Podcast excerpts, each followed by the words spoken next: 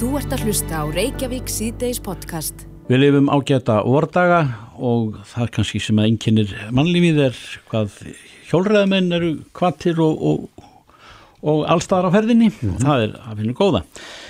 Og, eh, en samt hefum við það á tilfinningunni og, og það er ekki ástæðleis að, að það sé við að þrönga á stígunum og svona kerfin talist ekki, talist ekki við. Það er að segja þarna eru ekki bara hjólreðamenn á, á fjölförnustu gangustígunum heldur heldur einnig ja, menn, menn á keppnishjólum, eh, það eru ramashjól og, og það er fólk með eh, á faratækjum eins og ja, ramashjól og, og, og kannski með barnavagna eða eitthvað annað með í för og svo framvegis. Mm. Er þetta ekki aðgreint á stíguna? Þess að þetta sér svona braut fyrir hjól, hjólreðanir? Já, það er bara, ég þekki það vel úr lögadalum, það er, það er svona, Enga línur? Nei, eða það er ekki farið eftir því. Nei, það er aðtöðan því en eh, ekki fyrsta skipti sem að Viljámur Arason læknir hverðu sér hljóðs á með skrifum um, um það ástand sem að ríkir í þessum málum þegar að huga þeirra að slísum enganlega og, og,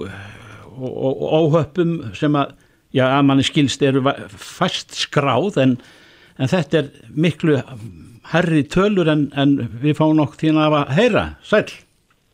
Já, sælir. Já, það er alveg rétt að þetta er kannski ekki skráð í skýslu en þetta er skráð í sjúkraskrá og, og það má gera þetta allt saman upp. Mm. Það er undir ekki verið gert núna í okkur mörg ár og var mjög óhagast að sjá törur það var lútandi.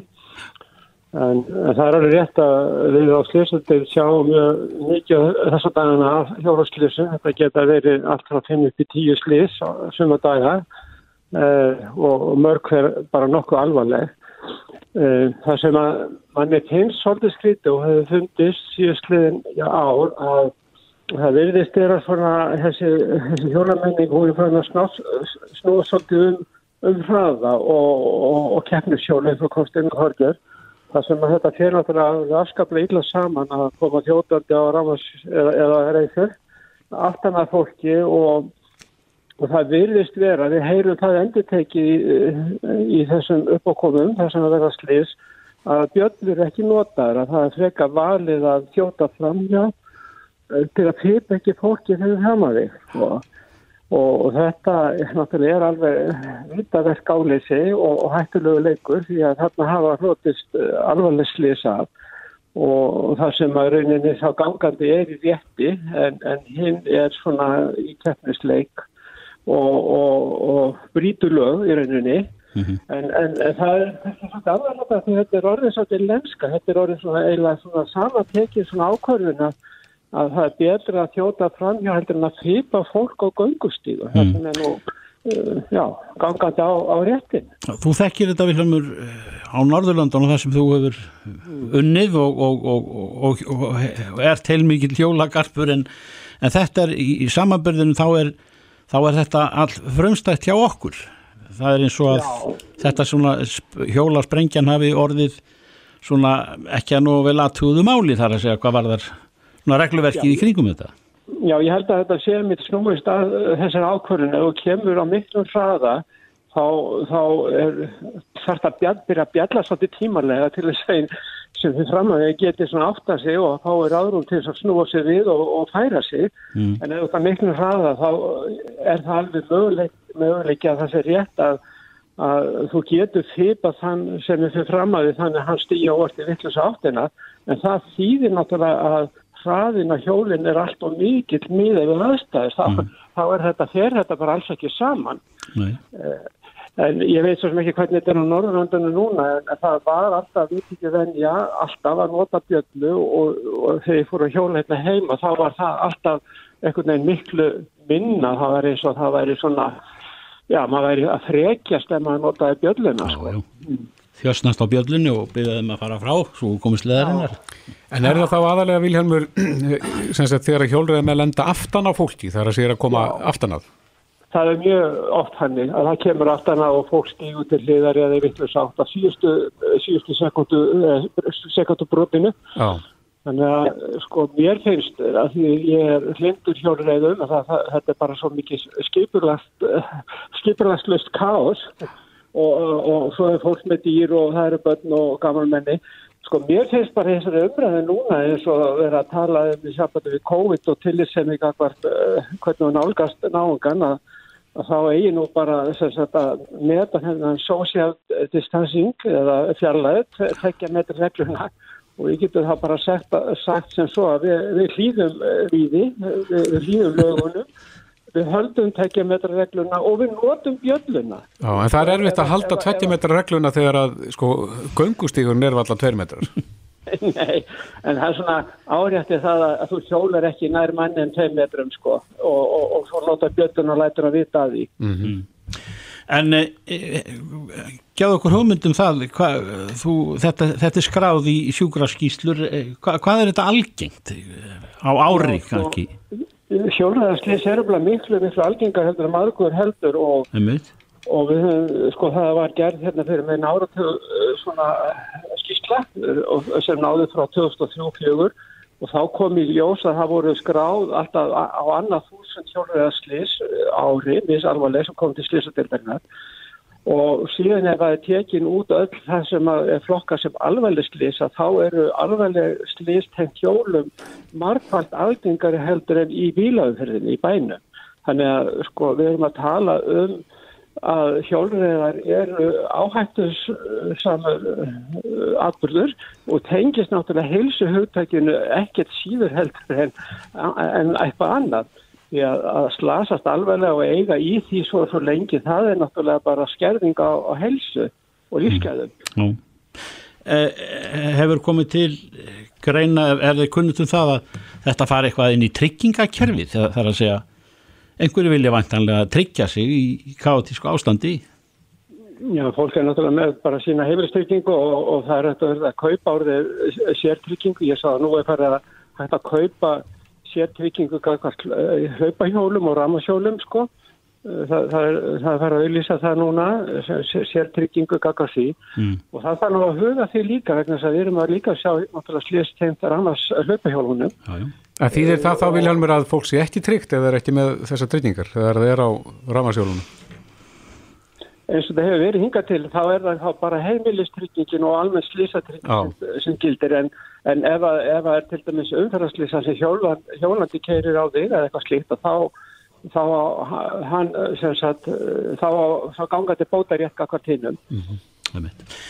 Vilhelmur Arason Lagnir eh, góð áminning hjá þér eh, en það er kannski svona áriðið segjum bless að þessu sinni að að menn sem að fara með umferðarmál og umferðar öryggismál haugi miklu betur að þessu og bæði hvað var það merkingar og tilmæli og og já og ímiskona skildi sem að minna mann á eða minna það sem umferðin er orðin gríðarlega í þá hjól, hjólastígum. Já, sérstaklega þessu tímu þar sem hefur verið að hvetja mikið til hjólræðar en það er eins og stígarnir og menningin er ekki alveg tilbúin að taka móti þessu. Og, og eins og ég sagði áðan að þá er sagt, þetta er orðin um, umfást mikið hluti af slísa tjónustunni hérna nýra á Borgarspítala. Takk fyrir þetta Viljámur, kjærlega. Já, það var ekkert röfnir. Þú ert að hlusta á Reykjavík C-Days podcast. Já, Reykjavík C-Days á bylginni. Eh, við kvotnum þennan næsta dagskalið tveir fyrir einn, hingur og komni tveir ráþeirar. En Ríkisvöldni var að, að kynna eh, afléttingar á eh, ferratækmarkunum sem hafa verið í kildi núna til og frá landinu og Það eru komna til okkar Áslug Arna Sigurbjörnsdóttir og Þórtís Kolbrún Reykjörg Gílódóttir e, Dónsmálar á þeirra, Áslug og svo ferðamálar á þeirra Þórtís Kolbrún, velkonar Takk fyrir. Ef við byrjum að þér Áslug e, nú á að aflétta þessum ferðatakmarkunum hvernig verður það gert? Já, upplikið er það að núna frá 15. mæ að þá verður hægt að fara í svo kallega sótt QB sem uh, hendar þá fyrir svona ákveðra hópa sem getur komið hér eins og kvikmyndagerðamenn, íþróttamenn og aðra sem kannski svona eru saman og á sama stað í sínu ferðarlægi eða þeim verkefni sem þau eru hér innanlands um, ásamt því að Færiðar og Grænland eru ekki lengur skilgrind sem há áhættusvæði að mati sóttvarnarleiknis mm -hmm. þannig að þar er uh, þeir aðlega geta ferðast hinga til lands þá óhindrað þess að fara í sóttkví, já. já um, og síðan er það ekki síðar en 15. júni að við hefjum skimun á keflauguflugulli mm -hmm. og uh, það er þá möguleikar að gera það fyrir en það þarf að þetta liggja ímslegt fyrir áður en það hefst og það er svona talsvert umstang en uh, gæti verið möguleikar að gera það eitthvað fyrir en það er allavega þá í takt svona við þau aflettingar innanlands sem við erum að sjá bæði núna 2005. næstkomandi og svona um meðjan júni. Hvernig fer svo skimun fram?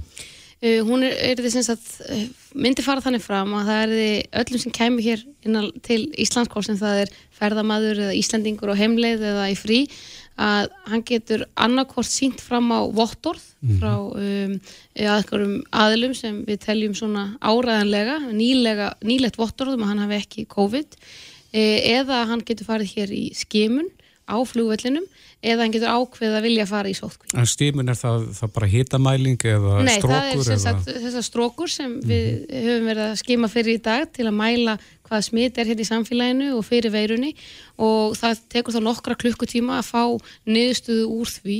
Þannig að fólk býður það bara vellinum? Nei, þá er það í rauninni, það er talið meiri smittætta á þeirri byð, mm -hmm. sérstaklega ef þetta verður ykkur fjöldi sem við förum að fá hérna að þá er eh, þeim ráðlagt Íslandingum að fara auðvitað heim til sín og býða eftir niðurstöðu en ferðamönnum þá að fara á sinn gisti stað mm -hmm. og býða þar eftir niðurstöðu á samt því að hlaða niður smitrækningarappinu uh, og svona appi til að hafa samskipti við heilbríðis yfirvöld hér ef manneskjan veiki síðan setna ferðalagi sínu. Mm.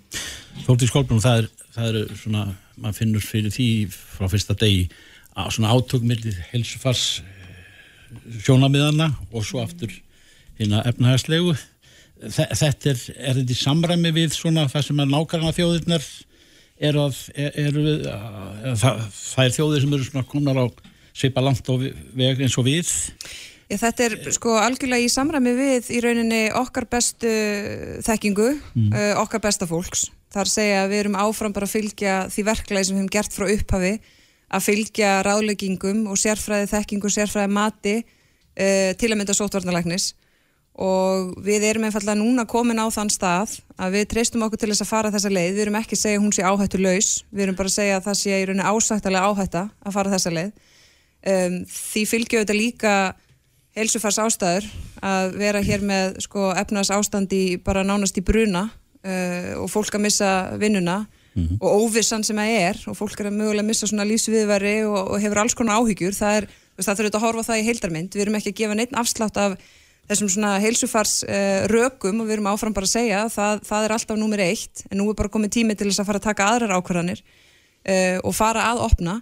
Við séum sjáum bara að það eru auðvitað mjög mikil hreyfing á því hvernig lönd ætla hvaða skref þau taka næst. Við erum að fá svona eitthvað veður af því að einhver lönd eins og Danmörk, Nýjasjáland, Östuríki, Gríkland og Singapúr og fleiri sé að mögulega alltaf einhvern veginn að opna sko landamæri síni milli Þetta breytist bara dag frá deg, svo eru þetta líka að fá fréttir af því að veiran sé að taka sig upp í Kína og möguleg Þýskalandi og svona, mm. þannig að fram að, að hérna 15. júni þá munur mjög margt gerast og það sem við þurfum að gera þanga til er einfallega að undibúa þetta í framkvæmt, svara þessum spurningum sem þarf að svara, skrifa okkur í rauninni gegnum það hvað, hvað getur komið upp á og vera með plan, þannig að þetta snýstur rauninni bara um að taka ákvöruna fólk getur þá í rauninni gert áallanir fyrirtæki til og með í ferðarþjónustu geta núna að fara að gera meira áallanir heldur að þau gátt í gær. Þau eru komið þessi hérna, skýru svona, skýru sín en auðvitað er þetta allt með þeim fyrirvara að við erum bara rétt að kynnast því hvernig við ætlum að lifa næstu missir og mögulega ár mm -hmm. með þessari blessuðu, ég ætla ekki að blóta uh, hérna kórunaveiru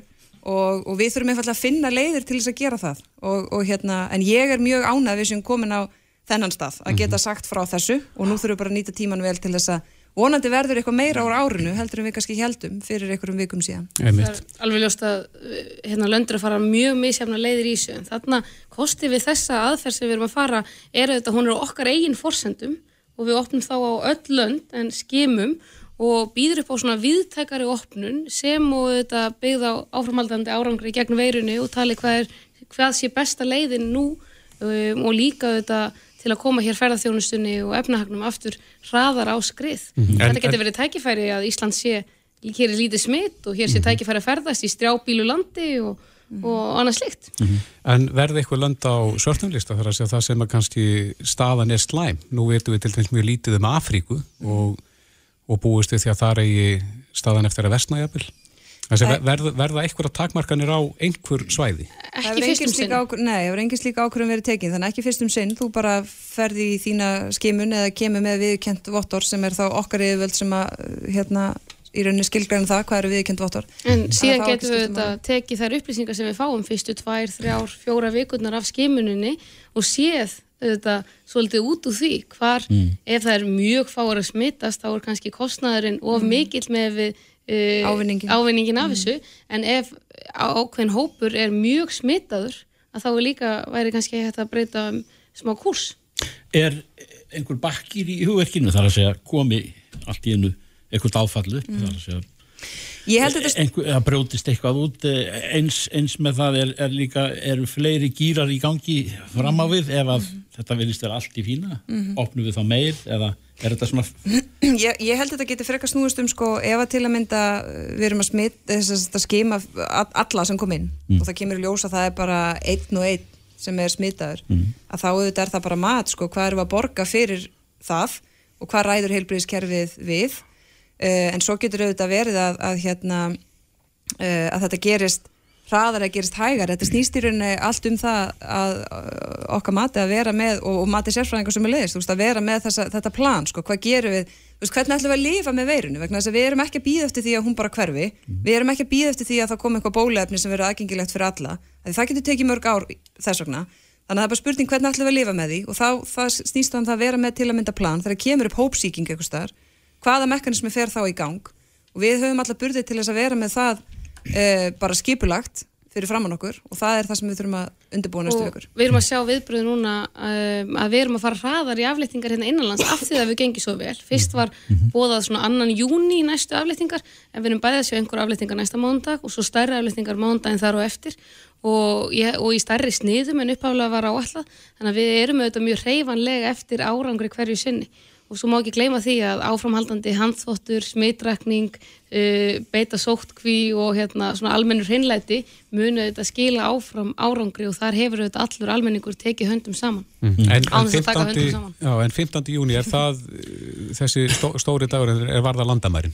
Í síðasta lagi þá byrju mhm. við, uh, er stefnan á að setja að byrja að uh, skema. skema þarna mm. í kemlauguflugvelli. En auðvitað, auðvitað þurfum við bara sko hér eftir sem hinga til að búa okkur undir bakslag og ég menna þetta er auðvitað allt bara með fyrirvarum það að við erum bara, þú veist við erum ekkert að aflétta allir óvissu með þetta gákur um 15. júni, við erum bara að mhm. segja herðu lífi verður ekkert neina að halda áfram, við verðum að þú veist taka ákvarðan sem gerir það að horfa ekkert neina allar svona, allar hilda hagsmunna uh, og, og svo bara, ég menna ef það verður eitthvað meiri hátta bakslag þá bara setjast við niður og, og förum yfir það en vonandi verður það ekki en, en við auðvitað vitum það ekki því það er einhvern veginn enginn komin það miklu sko, lengra í ferlunum þar sem við getum lært að þeim sko. Vi, við bara fylgjumst með allstæðar og svo bara þróast þetta eins og þetta þróast og við mm. auðvitað þrátt fyrir að við vitum svo miklu meira núna heldur en fyrst þá vitum við náttúrulega ekki neitt sko.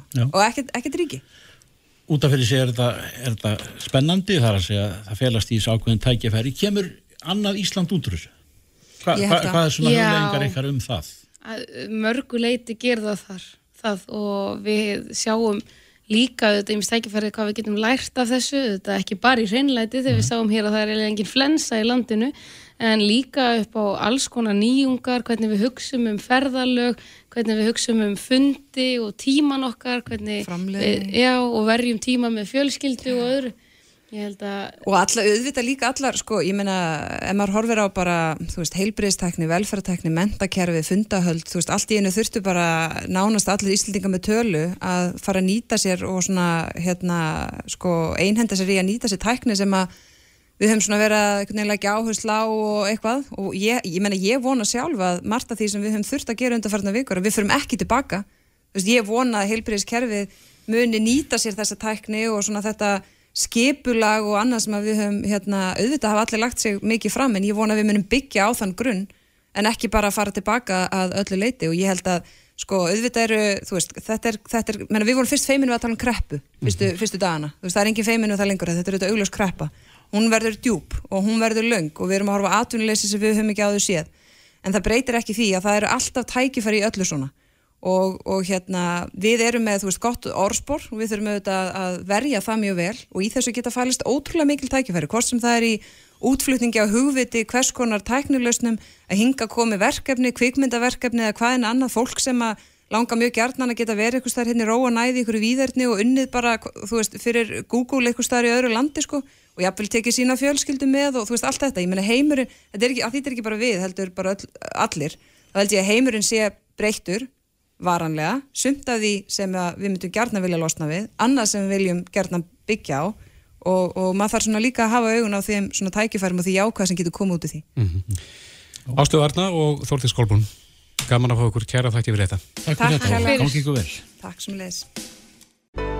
Hlustaðu hvena sem er á Reykjavík C-Days podcast. Menn ætlast til þess að það sé tekið til hendinni í ymsum málaflokkum sem að hafa nú verið tíundað uh, af hennu ofinberra þar að segja uh, forsvarsmönnum samgöngumála hér í landi. Mm -hmm. Þeir eru þar framarlegi flokki og það er búið að leggja upp með mörg verkefni. Uh, eitt er það verkefni sem að hefur beðið verið beðið eftir í 25 ár eða aldar fjórðung og það er sundabraut.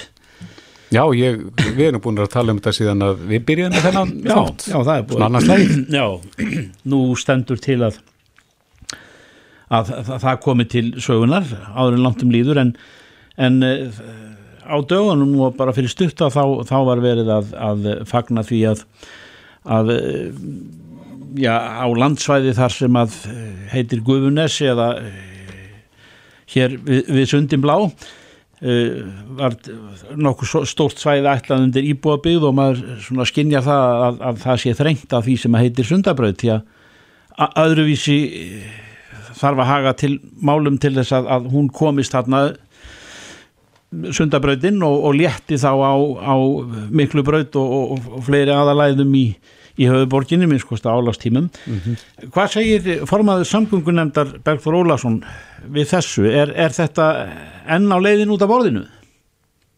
Já, þetta er nú búin að vera laung og ströng þraut að ganga ég hef nú stundu sagt frá því gríni að þegar ég í mínu gamla starfi sem aðstofam á samgöngur á þeirra, þegar ég hætti því hösti 2006 þá, var, uh, þá voru tvö verkefni um það bila smell í gang, annað þeirra var sundabraut og hitt var vegagerðum tekskó fyrir vestan oh. og þau eru bæði aftar í ferlinn í dag heldur en, heldur en þau voru þá hmm. en uh, því miður þá, ég hef nú sagt þetta ítrekkað að, að þá virðist því miður vera mjög takmarkaður áhugi á því borgarkerfinu er svo má segja á því að, að neka málum sundabrautar áfram Við sjáum það þetta bara með þessari makalösu aðgerð sem snýra því að svo kallari vofabygg, það sem er í raunist eh, loka fyrir hagkvæmustu og bestu leiðina, eh, hvaða tengi, hvað tengingu sundabröðar varðar. Síðan eru þetta aðri, aðra leiðir sem að hafa í raunni, hafi allir steinar sem fundist hafa verið lagðir í götu hverjar einna leiðar og, og ef það er raunin að, að það sé verið að nýka til framkvæmdum á guðunustanganum núna til að þrengja ennað uh, framtíðar veglínu sundabröðar þá er það þetta mjög alvarlegt mál og, og hlýtur að skoðast í sam, sam, samhengi við uh, þá sátt, samninga eða sáttmála eða samgómulög sem að samgóngur á þeirra og borgarstjóri hafa undirritað undanföndu misserum því að, því að það er þetta þannig að þegar uh, mann leggja upp í slíka vefferðar en að ramma inn uh, heildar samgómulagum samgóngur á höfuborgarsvæðinu þá verða báðir aðeinar að standa við sitt. Mm.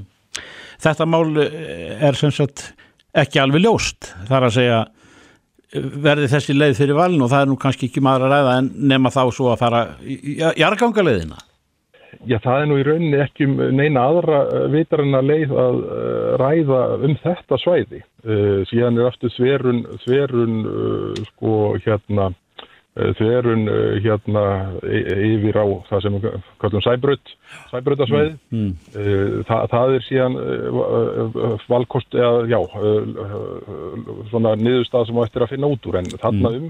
um, um guðunesvæðið þá er nú veg, veglína nokkuð augljós og, og, og það er búið að nýka en einu sinni til að, og, og það er mjög sérstakt ef að ef að, ef að nú á að fara stað með það að nýkani áfram til, til að þrengja, þrengja ennað, ennað veglækningunni og, mm. og það er svona, má segja, meira af því sama ef það verður raunin hvað, hvað, hvað uh, framgöngu Reykjavíkuborga varðar því miður. Mm. Þú átt volna því að það verði, það verði tekin ákverðun um þetta innan tíðar? Um sundabröðina? Já. Já, ég ætla rétt að vona það. Eh, mér þótti nú skautað bísna létt fram hjá sundabrautinni í þessu samkómulegi sem gert var um samgöngur á höfuborgarsvæðinu, þar sem borgarlínan meðal annars er innifalinn. En, en það er eh, á nokkur svafa gerður fyrirvarum það og það er eh, talað um það í samkómuleginu að það sé hugað að vegtengingum sundarbrautar við annað stofbrutakerfi Reykjavíkur. Þannig að, þannig að það er algjörlega augljóst að, að vilji hins ofinberra og vilji þingsins stendur til þess að sundarbraut komist áfram. Mm -hmm. Bergþór Ólason, formað samgöngunendar, ég sá þig nefndan og þú varst að, ekki nefndan, þú, þú varst að skrifa og lest að hafa það eftir þér í það minsta að þú hefðir efasemtir um að, að borgarlína tíknemd kæmi til sögunar eða, eða væri eitthvað það endanlega fyrirkomulega á samgöngumálum sem að sem að erði sér til næstu framtíða lítið? Já, ég hef miklar ágjur af því að þarna séu menn komnir tóldi fram úr sér. Það er auðvitað búið að vera í uh, gildi samkómulag frá 2011 að með minni rétt uh, sem gengur út af það svona rammin stórframkvæmda stopp á höfuborgarsvæðinu og setja viðbótar miljard á ári í almenningssamgöngur í staðinn.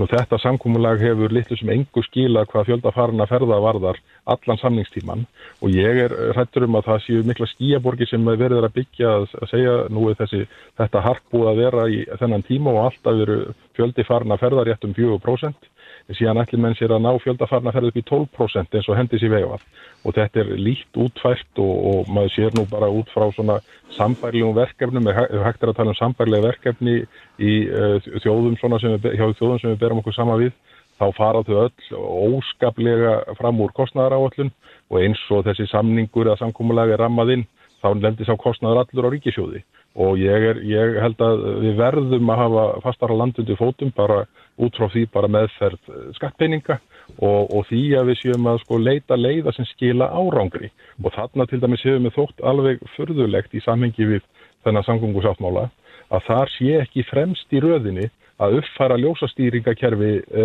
borgarinnar. Þannig að e, hérna, flæðið verði betra og því er haldið fram að það sé hægt að ná fram 25-40% minkun á stopptíma bifræða með öllum þeim umhverjus áhrifum sem að, að því myndur nú uh, hljótast.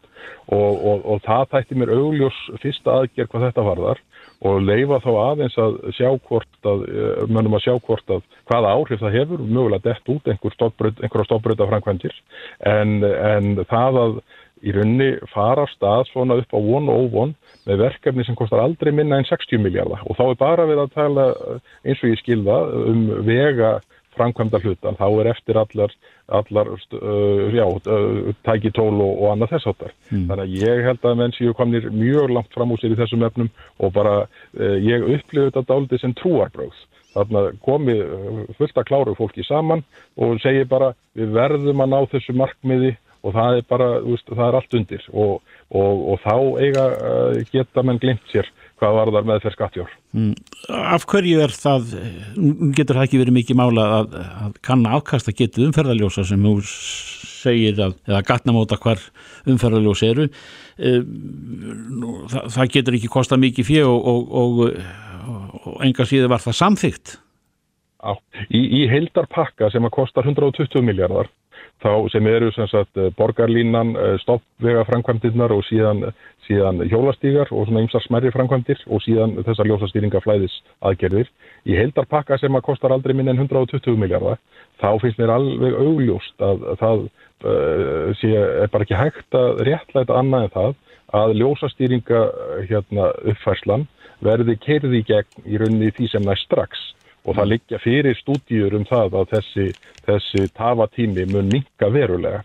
Og, og, og, í því ljósi þá, þá, hérna, þá er það bara ábyrða hluti alþingismanna að skilja þannig við þetta frumvarp sem nú er verið að, er eh, búið að leggja fyrir alþingi um stopnun hlutafélags til þess að halda utan um þessar borgar, borgarlínu framkvæmdir og samgöngusáttmála að, að, að það sé gætt eh, að meðferð almannafjári í því samengi að, að fremst í röðinni séu ljósastýringarnar, síðan uh, eh, vinnir menn sér áfram hvað, hvað bættar almenningssamgöngur og stofbröðaframkvæmdir varðar. Já, stórmál. Bergþór Ólason, formaður samgöngunemndar, kæra það ekki fyrir spjallit. Takk fyrir spjallit. Þetta er Reykjavík C-Days podcast.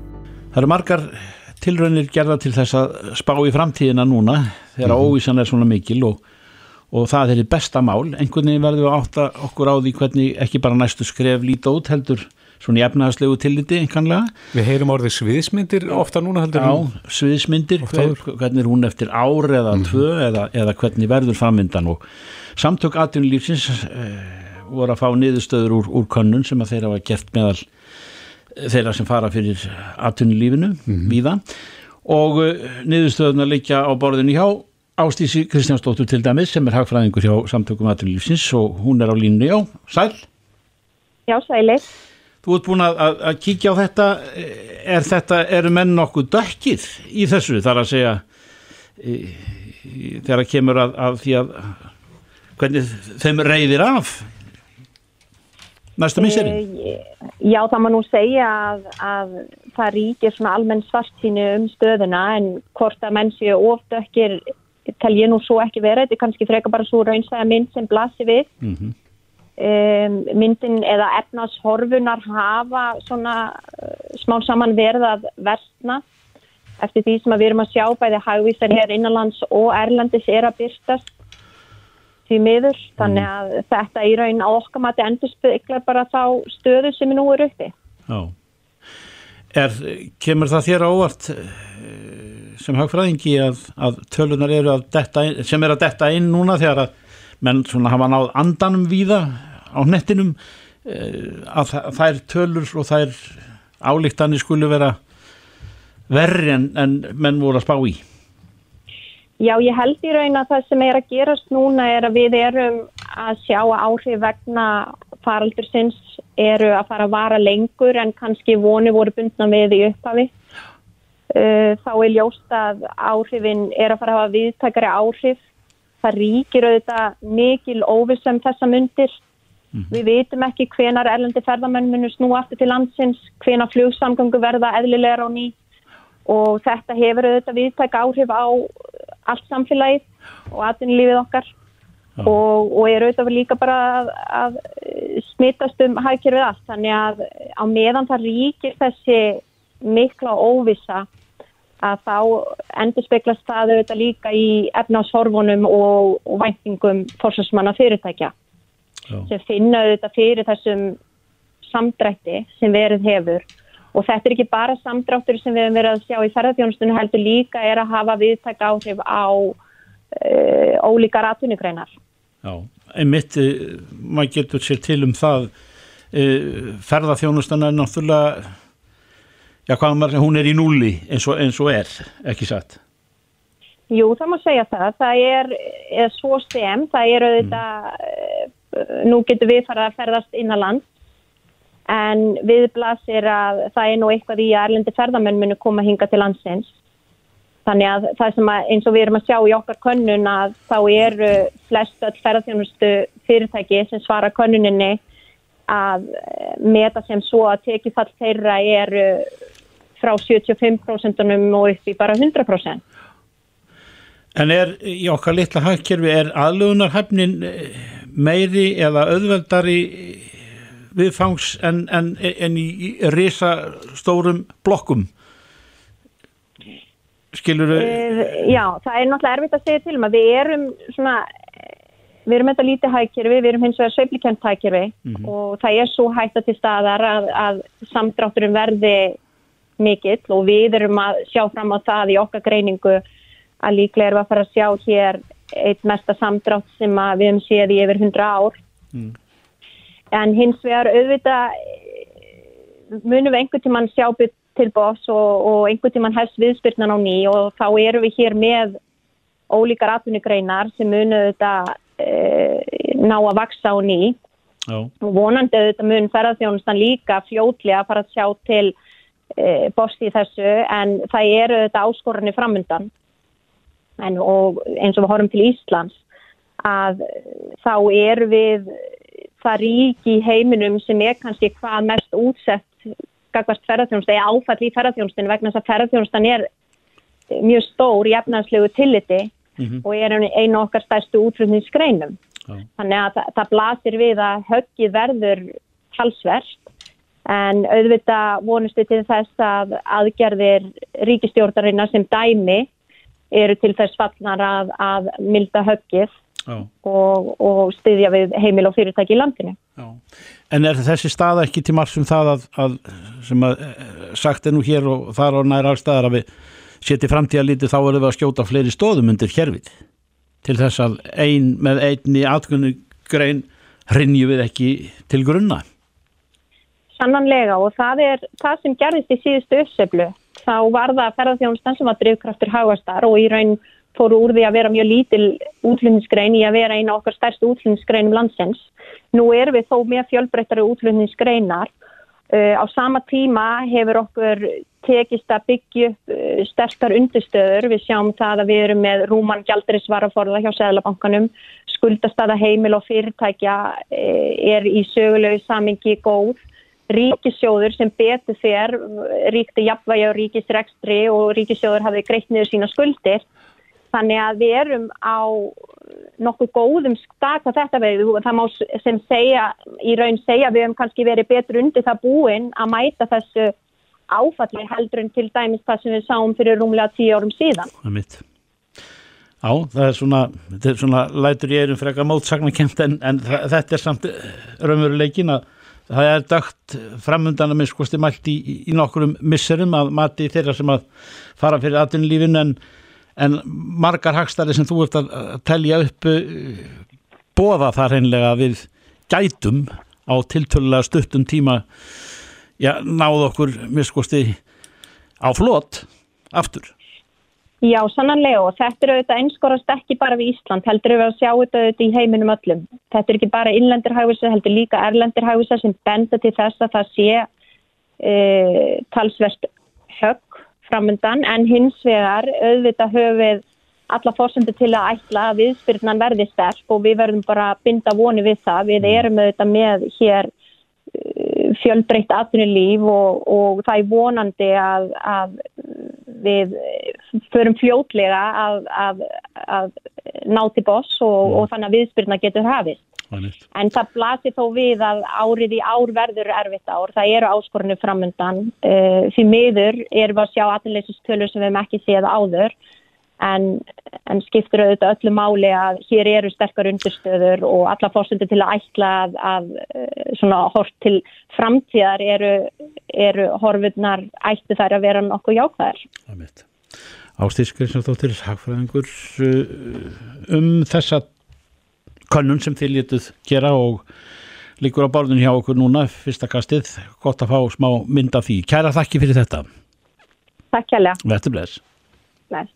Reykjavík síðdeis á bylginni Já, já Þorgir, ég komin hérna inn á svolítið flott og stemtilega síðu. Já, heyrði ég ljóðið? Já, sem að hún heitir ferðalandi.is Já og uh, þarna er sem sagt hægt að uh, bóka ímislegt sem að tengist ferðarþjónustu hérna innanlands. Mm -hmm. hérna er hestaferði, jöklaferðir, kvalaskoðun fjórhjóla böggiferðir, þyrluferðir siglingar, svo eitthvað sem nefnt. En uh, einn af þeir sem stendur á bakvið þetta er Einar Þór Gustafsson hjá Get Local þekktur frumkvöðl í Íslenska vefbransanum, kom til sæl Sælir. Sælir, sælir Eh, segð okkur aðeins af, af þessari síðu, þessari bókunarsíðu nú á að, að íta undir ferðalögu innanlands í sömar Já, alltilega Þarna erum við búin að sapna saman alveg ansu góð úrvali af einsum ferðum aðfrengum um allan Já.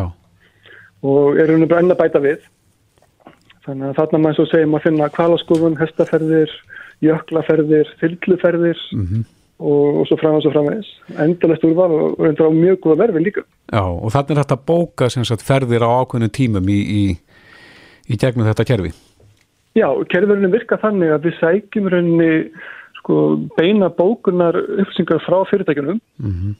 þannig að þeir sem að fara og rauninni pantaferð Já borgarferðarna þegar hún er að bóka beint hjá þeim sem er með ferðin já, og já. greiða beint til þeirra líka þannig að það er engin rauninni sem er að taka sögulafoknun eða neitt slíkt fyrir Nei. En hvað, hvað fáið þið þá út úr þessu? Þetta er rauninni bara kynning fyrir okkur við, þetta er rauninni beitir á kerfin okkar og, og við viljum alltaf bara fólk viti af, af okkur og hvað við höfum að gera þannig að við ákveðum bara að bjóða þennan vef, bara frýtt og það búin að fá það út á einhverja smá aðtegli og umfyrlun. Að geta þá ferðarþjónustæðilar haft samband við ykkur núna og, og uh, komist inn á þessa síðu? Já, það eru hátt í hundra, það eru rúmlega hundra búin að hafa samband og skrá sig og, og við erum bara vinnið því að setja það inn. Það getur munað eh, kúnan nokkuð miklu ef að, ef að hann er hann er ekki með uh, gjaldaliði þarna í, í ferðarplaninu sem Eitthvað að, milliliði? einhverja milliliði Já, millilið taka oftast söluþóknun. Já. Hún getur verið frá 20 til 30%. Og hugmyndin okkar þarna er að bjóða það fyrirtækjum að lækka kostnaða móti og taka það út þessa söluþóknun og gera tilbúð sem að sem að vonandi henda sem flestum. Já. En það eru tilbúð alveg hátt í 40-50% afsláttur á ymsum ferðum. Er, er þetta eitthvað tímabundi núna eða sjáu þið fyrir ykkur að þetta geti síðan lifað áfram svona þegar að ferðarþjónustan hefur rétt úr kútnum? Hugsin er svo að þetta sé átök. Já, Það er, það er ekki markmið að halda þessu lifandi uh, áfram en við náttúrulega við lókum ekki á neitt Nei. en, en í rauninni þá sáum við ekki fyrir okkur að fara neina samkeppni við fyrirtæki sem eru þessum gera að Nei. selja ferðir en Er- það er- þeim margir ok okkur kunnar. Einar erum við að tala um uh, þetta árið Það verður bara komið ljós. Það var tilkynning rétt á það sem á að fara að opna landið í skrefum þannig að vonandi stýttir það okkar lítima. já. Þannig að þið sjáu þetta svona sem stuðning við ferðarþjónustuna og svona í leiðinni kynningu fyrir Jet Local. Já, það, við viljum náttúrulega að við, bara, við viljum Ísland, Íslandingar bara upplifi líka landið sitt og sjáum við hvað er bóði. Það er alveg ótrúlega magna af, af skemmtilegum upplifum um all land Mm en er þetta að finna þér. Já, Þannig að þarna vonandi ná að draga þetta fram og, og hjálpa fólki að eiga gott sumar. já, já. En Jet Local, þið, þið flokki sem er það ekki sprótafyrirtæki eða voru það í það minnst eitthvað tíman? Jú, jú. Og, og hvað eru þið komnir víða núna?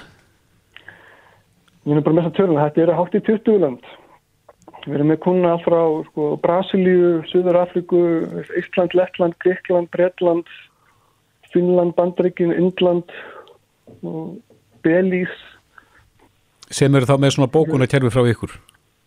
Já, erum með vefsölu kerfi frá okkur, en þau tengja svo við bókunarkerfin sem eru baku tjöldin. Já, Þetta er unni, fólk er að búa til þarna mjög öflega sölu og upplýsingavefi mm -hmm. með einhver tilkostnaði já, um, því að kerfurinn er tilbúið, þetta er svolítið svona bara sem að segja plug and play og hægt að setja upp gríðalega öfla vef á mörgu tungumálum með alls konar aukinni ykkur krafti að það, það kosti sko handaða fót já. og hægt að byrja ágifis En Við hvetjum fólk til þess að kíkja inn á þessa síðu sem að hyggst á ferðalögu innanlands, ferðalandið.is heitir, heitir síðan, þetta var vel til fundið hjá ykkur. Einar Þór Gustafsson hjá Gert Lokal, kæra þakki fyrir spjallið. Takk, takk. Reykjavík síðdeis á Bilginni podcast. Við vorum að ræða reyðhjólaslís hérna fyrir þettinum og heyrðum við Vilhelm Ara Arasinni lækni sem að sagði að þegar mest lætur að þá eru reyðhjólaslís alltaf tíu á dag. Já og eru ennverðingus heildarmyndin er, er, einverðingus skráð í sjúkraskíslur Já. þannig að þe- þetta er aldrei um þetta rætt svona í, í einhverju samhengi skilur Nei. En uh, það eru breytingar á umferðalögum uh, núna um áramótin og þar koma náttúrulega reyðhjólin inn líka, ímislega sem að breytist er að varða þau. Uh, við erum með á línunni Þórhildi Elínu Elínadóttur sem er samstýttastjóri í samgöngustofu, kom til sæl. Sæl Sælir. Já, það, var, það voru breytingar sem að varða hjólin, reyðhjólin uh, í umferðalögum sem að voru samþyktum uh, áramótin eða tóku gildi. Hvað er það helsta þar? Já, í rauninni þá snúa breytingarnar að því að, að árétta þetta samspil sem þarf að vera og gagvað með tillitsemi sem þarf að vera í, í umferðinni og, og hjá öllum vegfærendum, hvort sem við erum á hjóli eða á bíl eða gangandi. Mm Uh, vegna þess að við viljum auðvitað að umferðin gangi greiðlega og eins og þið nefnduð uh, hjólriðastlið sem að eru auðvitað óþörf og við viljum útrýma uh, það, þá kemur til kasta svona þessara, þessara, þessara umbörðalindir svo tillitsemi og í nýju umförðulegunum sem voru, voru samþygt um síðustu áramóta þá eru áréttu nokkur atriði sem að í því skyni að, að svona fresta betur í sessi uh, tilvist hjólriða í, í samgöngum -hmm. uh, hérna bara almennum samgöngum uh, það sem að, að snýr að samspili ökumanna til dæmis og hjólriðamanna að, að þá er það þannig að nú þarf klíðarbil aukutækja frá hjólriðafólki að vera að lámarki 1,5 metri. Já, e, það er ökumann að passa það eða hjólriðamanna líka eða? Það eru auðvitað allra að, að passa það að fara varlega og Já. gæta sem. Mm -hmm. Og, og hjólriða fólk þarf að sjálfsögðu að, að vera hægra megin á, á eh, til dæmis götu eða hjólaðu götu ef það er ekki hjólastífur Mm -hmm. og nema það, það eru undantek, það er undantekning á því ef að það er 30 km hámarsfæði að þá má hjólriðamæðurinn hjóla miðum vegi Mhm. en, en ef að hjólriðamæðurinn er rétt staðsettur og aukutæki þarf að fara fram úr þá þarf aukumæður þess aukutækis að, að gæta þess að þessi 1,5 metri að minnstakosti Já, það var mikið rætt um hjálmastildu og, og uh, það, það var vilji manna þarna á þessum tíma þegar var verið að ræða þetta inn í nefndum að, að koma bara einfallega á hjálmastildu fyrir alla, alla aldursopa. Já, En hver, hver er, í hverju endaði það? það endaði í, í uh, yngri en 16 ára eins og það hljóðar Já, þannig að það hjálmastilda upp að 16 ára aldri. Já, það, það hækkaði um eitt ár frá því sem áður var. Já, En auðvitað þá, þá hvetur samgöngustofa alla til þess að nota hjálm. Þetta eru, hérna, þetta eru svona ódýr og, og aðgengileg öryggistæki. mm En er hjálmastilda þá fyrir öll uh, svona hjól? Það er að segja, nú eru raf hlaupahjólinn mjög vinsal. Er, er hjálmastilda upp að 16 á þeim líka? Já, í raun og veru. Þá, þá eru, eru til dæmis eins og þessi raflöpuhjól, þau, þau eru, semst á þeim má til dæmis ekki vera út á götu. Nei. Þannig að þau eru svona aðeins smá undatekningarna, öðru leiti eru þau bara á fólk að sjálfsögða að, að, hérna, að, að fara jafn varlega eins og öllum öðrum aukutækjum. Það er hægt að slasa sig og hverju sem er ef að, ef að, að eh, fólk fer ekki að gafna ekki öllum með gátt. Já, nú eitthvað tíma var það stildað þegar að fólk fyrir yfir gangbrautar að, að þá átti að teima hjólið yfir. Já, Var breyting þar á? það var breytingu þar, þar á, þannig að nú má fólk hjóla yfir á, á ágangbraut á gungurhaða.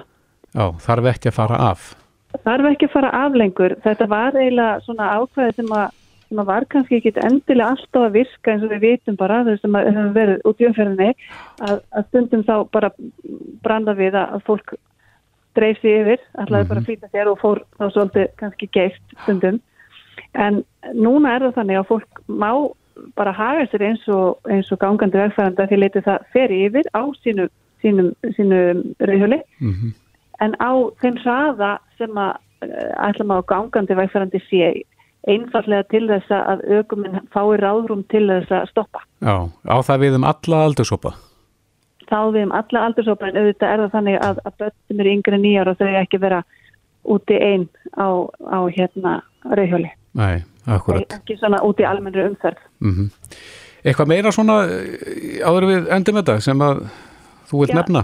Í rauninni vil ég bara árétta þetta að, að við erum öll á ferðinni og við erum öll að þvælustum uh, með ímsum hætti og, og það að hver og réttin og hver og ekki réttin það eru þetta skiptir máli að þekkja reglurnar en aðalega þurfum við að vera vakandi fyrir umhverju okkar og vakandi fyrir því að við erum uh, mörg og, uh, og fjölbreytt og sumir eru kannski með betri, hérna, betra viðbræðan aðrir þannig að gagkvæm tillitsemi og, og vitund það að við erum uh, í samfélagi á mjög vel við í, í, í, í umferðinni og, og þá sérstaklega þetta, það sem umferðin getur verið hröf. Já, Þóreldur Elín, Elínadóttir, samskiptastjóri samgangustofu. Kæra þakki fyrir þetta.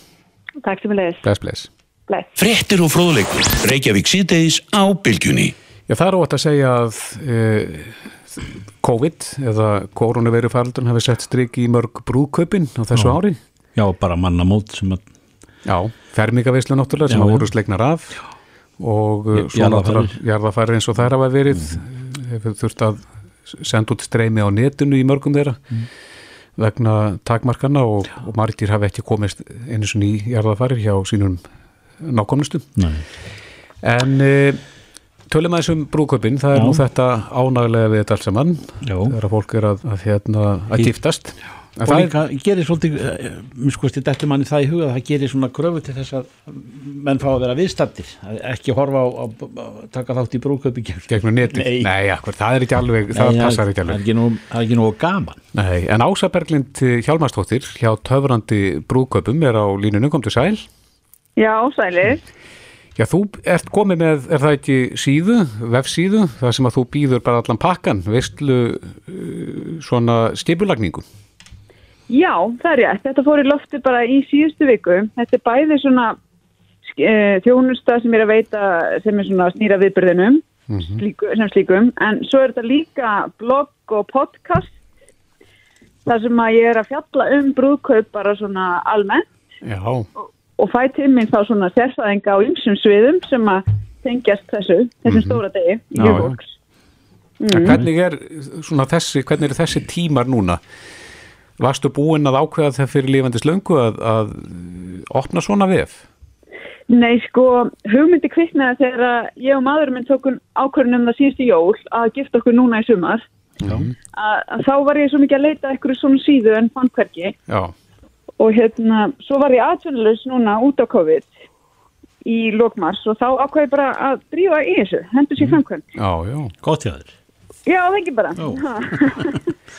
Og hvað, hvað gerir fólk? Segjum það fólk sem er í þessum hugleðingu núna, Hva, hvað, hvað færðað í, frá þér? Það er að segja hvaða þjónustu? Sko það er í raun og veru, sko langt flesti vilja náttúrulega bara dempa sér í skipulagi sjálf og fólkið og hérna ofta er það nú konan, skal ég segja ykkur, en hérna, en í svona tilfellum báðir.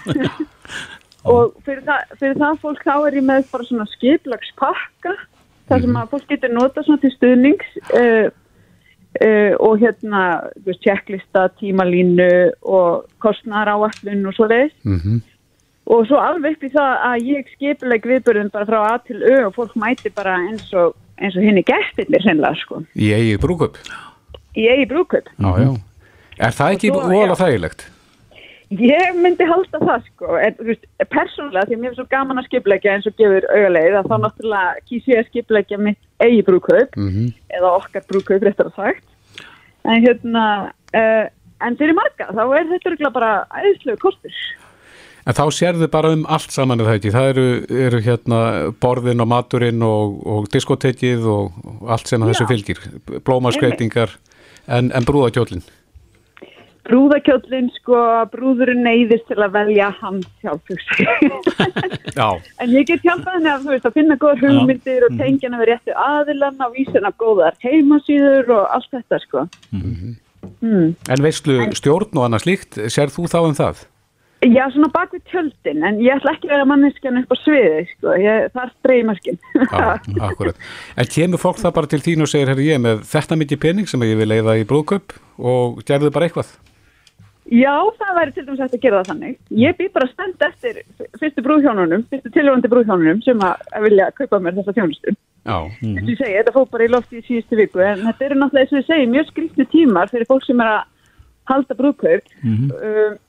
eins fólk sem eru búin að fresta viðburðunum bara alveg Mhm. og einhverjir ætla að gista sig og halda veislunum næsta sumar og svo eru að, an, annað fólk svona eins og ég og maðurum minn sem erum svo mikið bjartinsfólk að við höldum bara að þetta verði allt komið í lag bara eftir einhverja vikur að mánuði og, og erum ennþá vonast til að geta haldið okkar degi sko. En þá kann, kannski einhver að spyrja með reynsluna, hva, hvaða reynslu hefur þú af þessu, það er að segja að, að skipulegja, já, Já. brú, brúköpum og slíku. Já, ég nú, hef nú ekki mikla reynslu af sko brúðköpum sem slíkum nema bara ég hef mætt sem gestur og, og, og svo leiðis en ég hef unnin svona mikið að viðbyrðu haldi, ég hef verið umbúsmaður tón, tónlistamanna í, í um fjöldamark ár, Mm -hmm. skipulagt stóra viðbyrði þar og, og haldi bæjarháttíðir og, og svona ímislegt en já, það sem er í raun og veru bara málið þegar er þegar það kemur að þessu er bara að geta unni með fólki uh, hlusta á hugmyndir og ná að fanga þær og útfæra og, og bara, já, er í góðum samskiptum. Já, en hvernig líst þér á að fara af stað núna þessum tíma þegar að samkomu bann er, er í gildi allu í það?